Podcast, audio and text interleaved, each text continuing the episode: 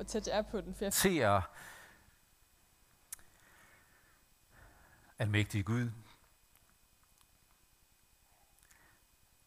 tak for den passion og den øh, i, hvor du har lagt i en organisation som Open Doors, for at være til opmundring og støtte i lande og områder af verden, hvor mørket er tæt, og hvor modstanden mod evangeliet er voldsom. Vi beder om din nåde og visdom til organisationen til at gøre arbejdet godt, så de må sprede dit lys, række håbet videre. Vi beder om, at vi må tage på os og leve med den frihed, som forpligter,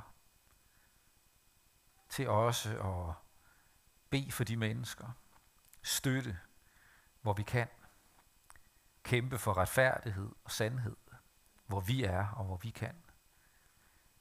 Og vi beder for de kristne, som er fanget og lever under så vanskelige forhold, at du må møde dem med trøst og håb, at du må skabe en ny fremtid for dem, at de må blive bevaret i troen på dig, og at arbejdet via Open Doors må være med til at gøre netop det. Så de må blive hos dig, og flere må få lov at lære dig at kende. Velsign også os nu, når vi sætter os ind under dit ord og prøver på at lytte til, hvad du i dag vil lære os, så vi må leve i tro, vandre i tro. Amen.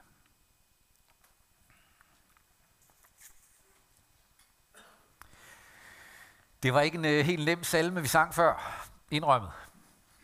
Men jeg synes, at der var så mange rige ord om tro i den, at det skulle vi altså have med i dag. At tro er at komme til det, der er større, end vi kan forstå. At tro er at komme til ham, som på korset har kæmpet for os. At tro er at stille sig ind under ordet, og våge at stole på det, også når det nogle gange er ord, der rammer og går tæt på, eller udfordrer, for kan det virkelig være sandt? I dag handler det om det at leve i tro, handler om troens væsen, og ikke mindst ham vi tror på. Vi skal læse en beretning, som i høj grad handler om tro, fra Matteus evangeliet, kapitel 8. Vi må gerne rejse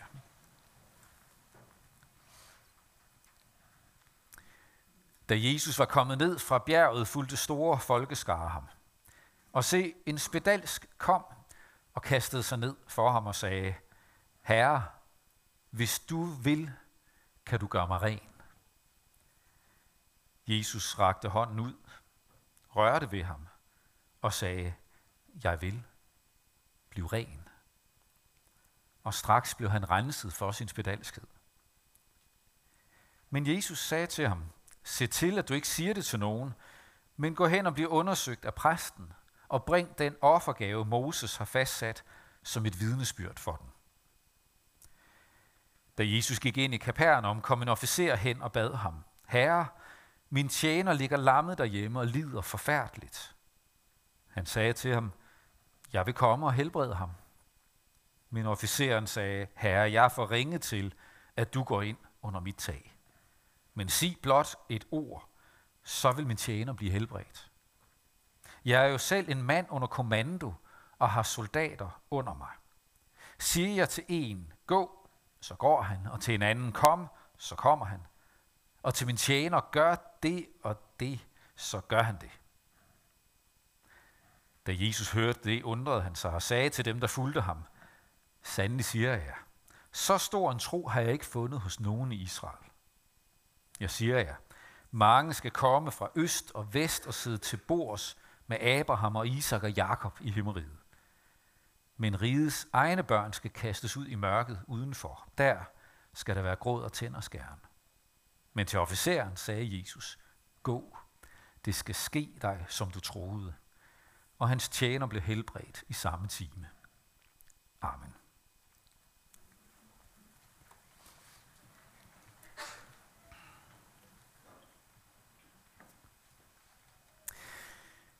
Det handler om tro.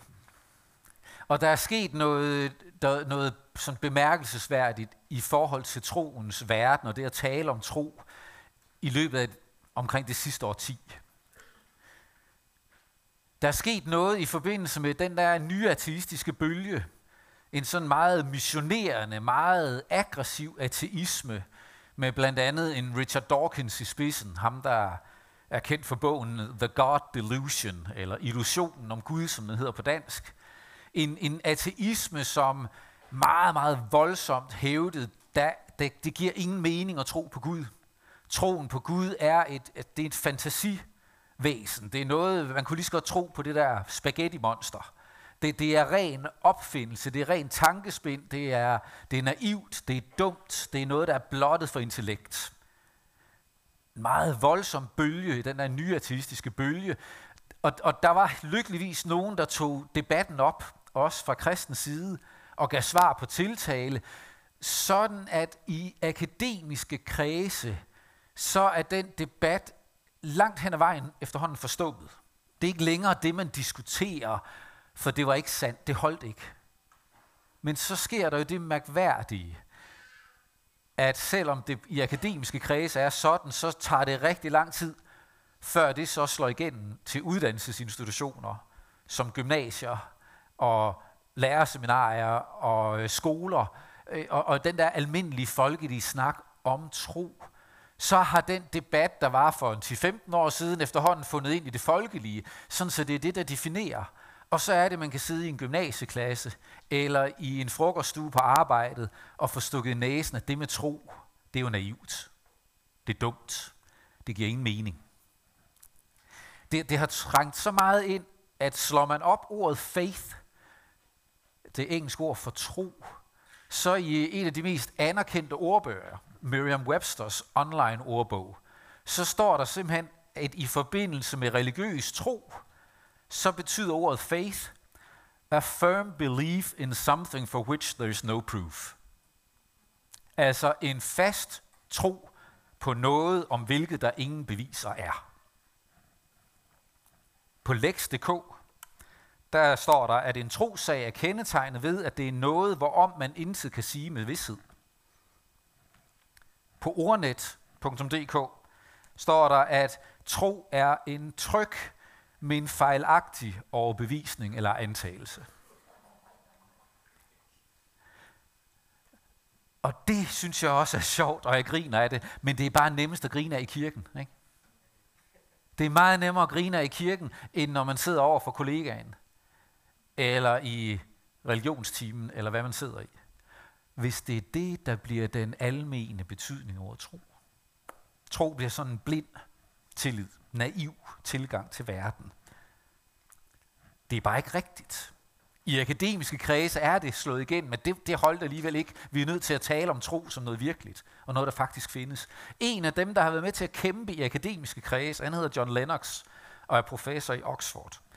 Jeg får glæden af at få lov at lytte til noget af hans undervisning her i februar måned, øhm, og det glæder jeg mig helt vildt til. Noget af det, han har gjort opmærksom på, han er en af dem, der har stået i ansigt til ansigt debatter med Richard Dawkins, øh, og, og har mærket aggressiviteten og afbødet den med venlighed og med visdom. Det, han er en inspirerende og spændende mand at prøve at læse og lytte til. Noget af det, han gør opmærksom på, når man diskuterer det her, så er det, at ordet faith, ordet tro, kommer af det latinske fides, som betyder, at noget er troværdigt. Og troværdigt betyder indlysende nok, at der er noget, der er værd at tro på. Det er ikke noget med blind tillid. Det er ikke noget med at lukke øjnene og håbe det bedste. Noget, som er troværdigt, betyder, at der ligger noget nedenunder, noget bag, som vækker tilliden, som gør det værd at tro på. Og Lennox bruger udtrykket, at tro er evidensbaseret tillid. Altså en tillid, der baserer sig på noget faktisk, noget evident, noget bevisligt, noget faktuelt. Hvem har du tillid til? Hvis ord tror du på? Hvis der dukker en op på gaden og siger noget til dig, så er det svært. Hvis det lyder lidt vildt, så tror du ikke umiddelbart på det. Du tænker, han er ved at binde mig en historie på ærmet. Men hvis en, du har tillid til, siger det, så har du en overbevisning om, at jeg forventer, at det her er sandt. Hvorfor forventer du, at din ven taler sandt? Hvorfor forventer du, at din ægtefælle taler sandt? Det er fordi, at du har en historie med vedkommende, hvor en række episoder viser, at jeg har god grund til at tro på, at når den her person fortæller mig noget, så er det fordi, det er rigtigt, jeg kan have tillid til det, og det er fordi vedkommende vil mig det godt. Det er en evidensbaseret tillid, det er ikke en blind, naiv tillid, som bare tror på hvem som helst og hvad som helst. Sådan er det også med troen på Jesus. Troen på Jesus handler også om noget med en evidensbaseret tillid. I den her uge har konfirmanderne kigget på årsager til, hvorfor Bibelen er en troværdig bog, hvorfor der er grund til at have tillid til beretningerne om Jesus. I onsdags i Unite var det det samme, nogenlunde samme emne, øh, hvor, hvor de havde en underviser, der talte om, hvorfor finder jeg Bibelen værd at stole på. For vi beder netop ikke om, hverken konfirmander eller Unite eller nogen andre om, at lukke øjnene for fakta og bare håbe, at det holder. Men vi udfordrer faktisk til at lære det at kende. Og de personer, vi læste om i dag, er jo netop også to personer, som opsøger Jesus på baggrund af noget, de har hørt om ham. Der er noget, der har vagt deres tillid, vagt en forventning, som gør, at de nu kommer til ham med den tillid.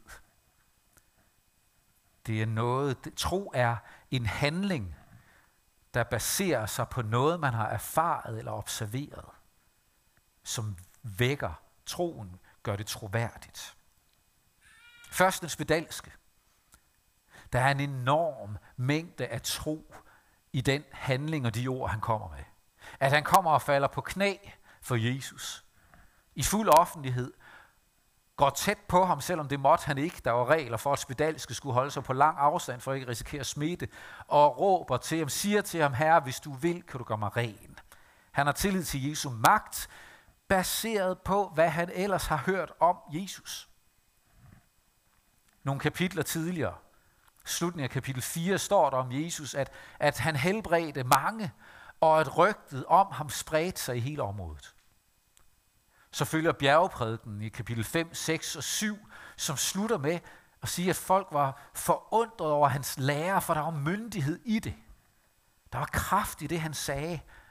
Og så i kapitel 8, så kommer der 8 og 9, to kapitler med, med helbredelser, hvor den her myndighed viser sig ikke i ord, men i gerning og handling.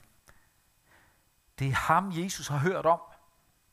Og nu går han hen til ham og beder om hans hjælp på basis af det, han har hørt. Indtil marts 2020 havde rigtig mange af os svært ved at forestille os, hvordan det var at være spedalsk. Hvordan det var at skulle holde afstand, ikke måtte give hånd, ikke måtte komme tæt på andre, men skulle holde sig for sig selv, være udelukket. Og så kom pandemien, og vi gik pludselig der spritet af og blev nervøs for at bare give hånd til en, hvis vedkommende var bare en smule ældre end mig, eller så en smule skrøbelig ud. Og, og vi lærte pludselig noget om, og folk blev ensomme derhjemme, og man, man skulle finde ud af, hvordan er det fællesskab kan se ud, når nu der er så smitsom en sygdom imellem os, og vi er bange for den. Det var det liv, en spedalsk var henvist til på ubestemt tid. Og der var ikke den der fællesskabsfølelse i det, når sådan er det jo for os alle sammen lige nu. Nej, sådan er det, fordi jeg er syg. Og jeg har ingen udsigt til, at det ændrer sig. Han våger sig tæt på Jesus. Og siger, hvis du vil, kan du gøre mig ren. Og Jesus rækker ud og rører ved ham der ser vi noget af, hvorfor Jesus er værd at tro på. Han havde ikke behøvet at røre ved ham. Men det viser beretningen lige bagefter, hvor han helbreder på afstand. Det havde han ikke behøvet. Men han ved godt, at den, den dybeste smerte hos det her menneske, det er netop fraværet af berøring. Længsel efter, at et menneske tør komme mig nær. Og Jesus bukker sig ned og rører ved ham. Og siger, jeg vil blive ren. Og så sender han ham hen, som der stod i Moseloven, 3. Mosebog, kapitel 13 og 14, fortæller om, at hvis man får et udslæt, og man er bange for, om det er spedalskhed, så skal man hen og lade sig undersøge af præsten. Og det er præsten, der erklærer en uren, hvis man har spedalskhed.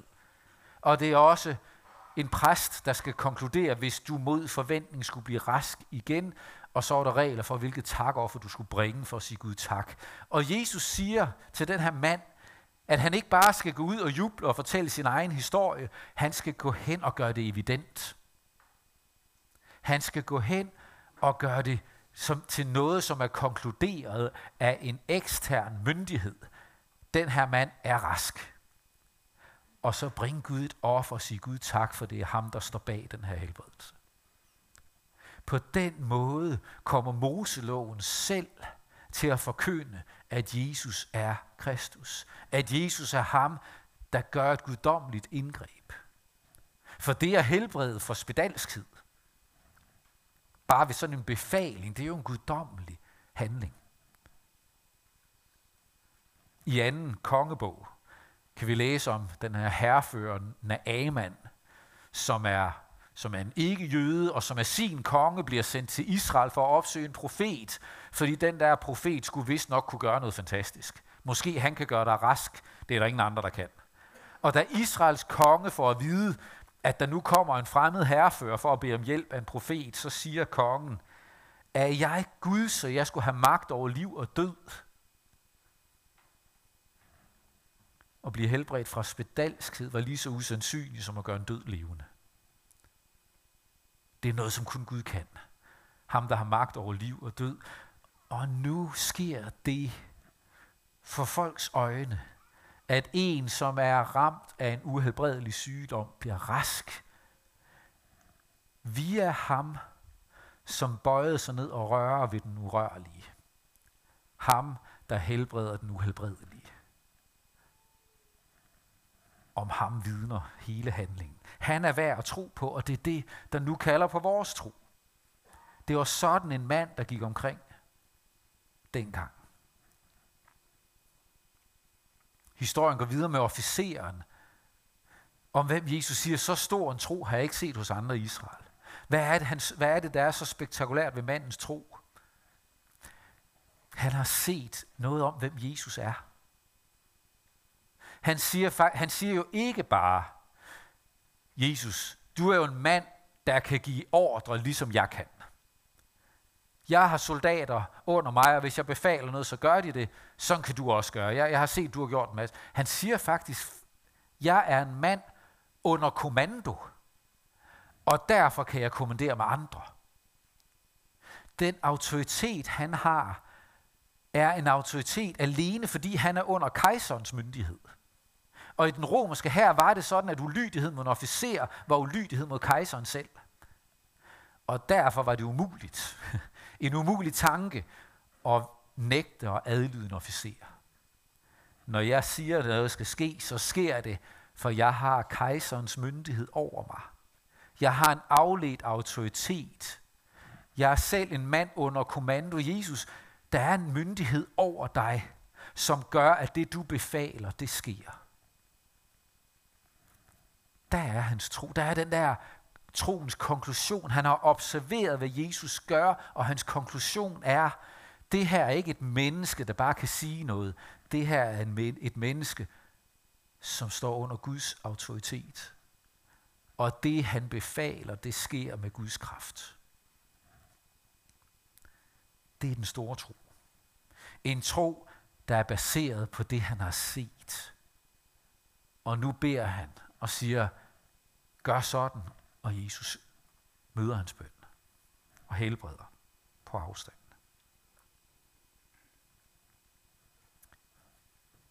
Og hvad så med os? Ja, de her beretninger lander jo hos os som noget af det, der skal give os tillid til noget, som har foregået.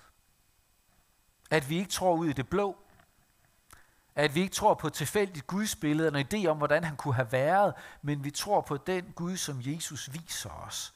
Han, som handlede under Guds autoritet. Så også for os, og for din klassekammerat eller studiekammerat, din arbejdskollega.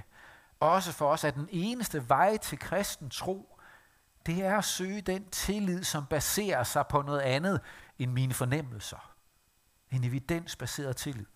Vejen er, lær Jesus at kende. Find ud af, hvem han var. Hvem de kristne siger, han er.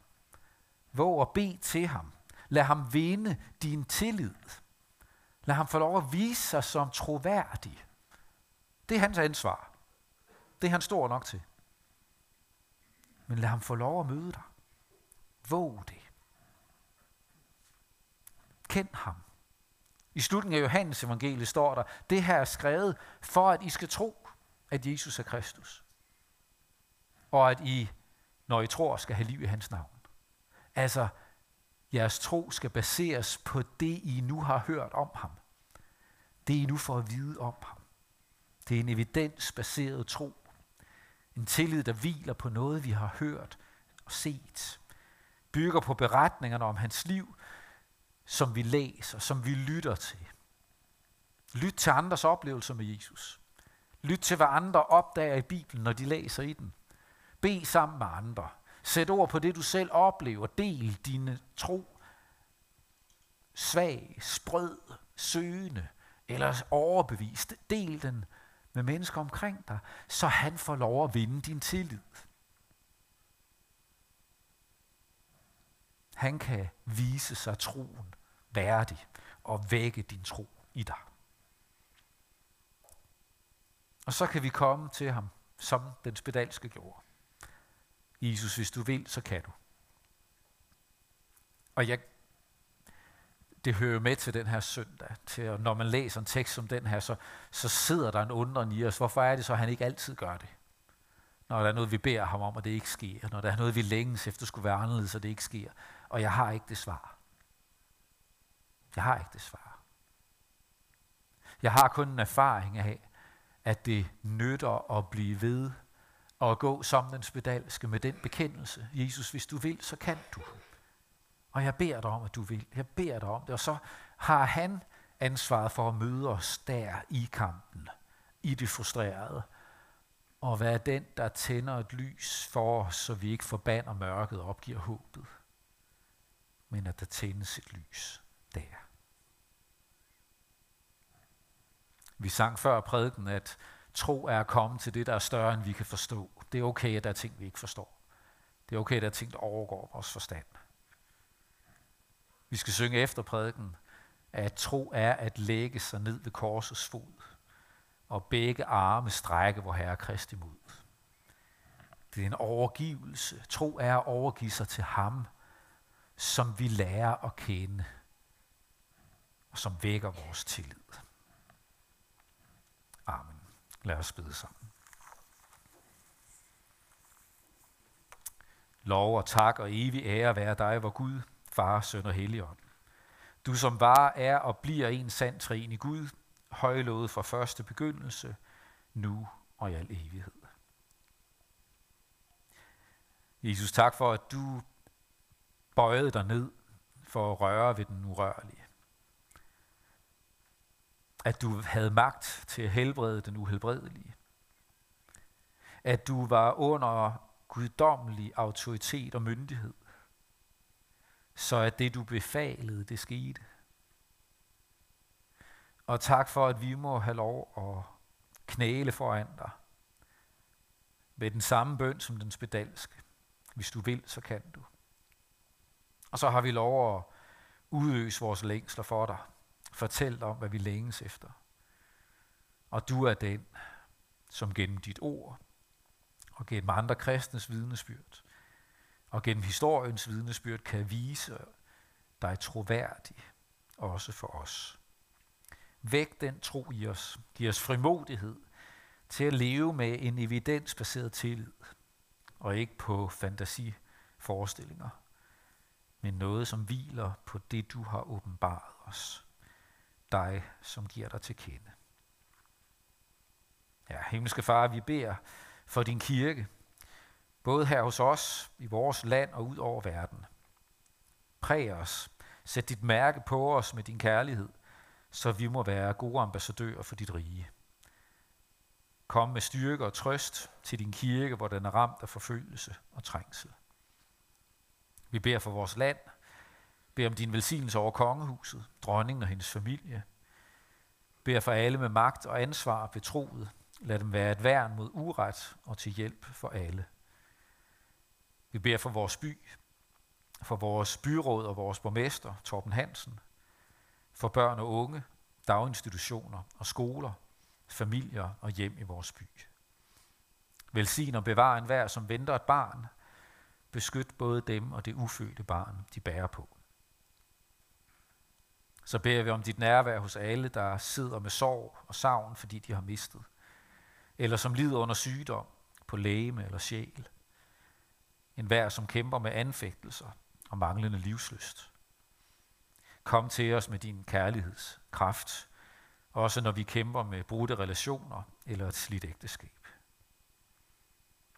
Hjælp os til at tage vare på det skaberværk, du har betroet os, og til at tage vare på dem, som du har sat os iblandt. Hør os, når vi hver især i stillhed beder for dem, du i dag minder os om.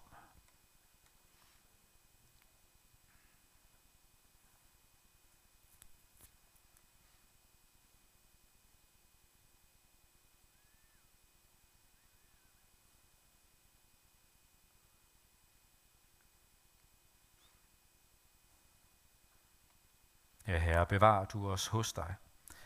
Lad os samles i dit rige, når du nyskaber himmel og jord. Og indtil da beder vi dig. Led mig frelser ved din nåde, også når jeg selv vil råde og vil gå min egen vej. Sæt mig, hvor jeg bedst kan gavne, men lad mig aldrig savne vidshed, at jeg tjener dig. Amen.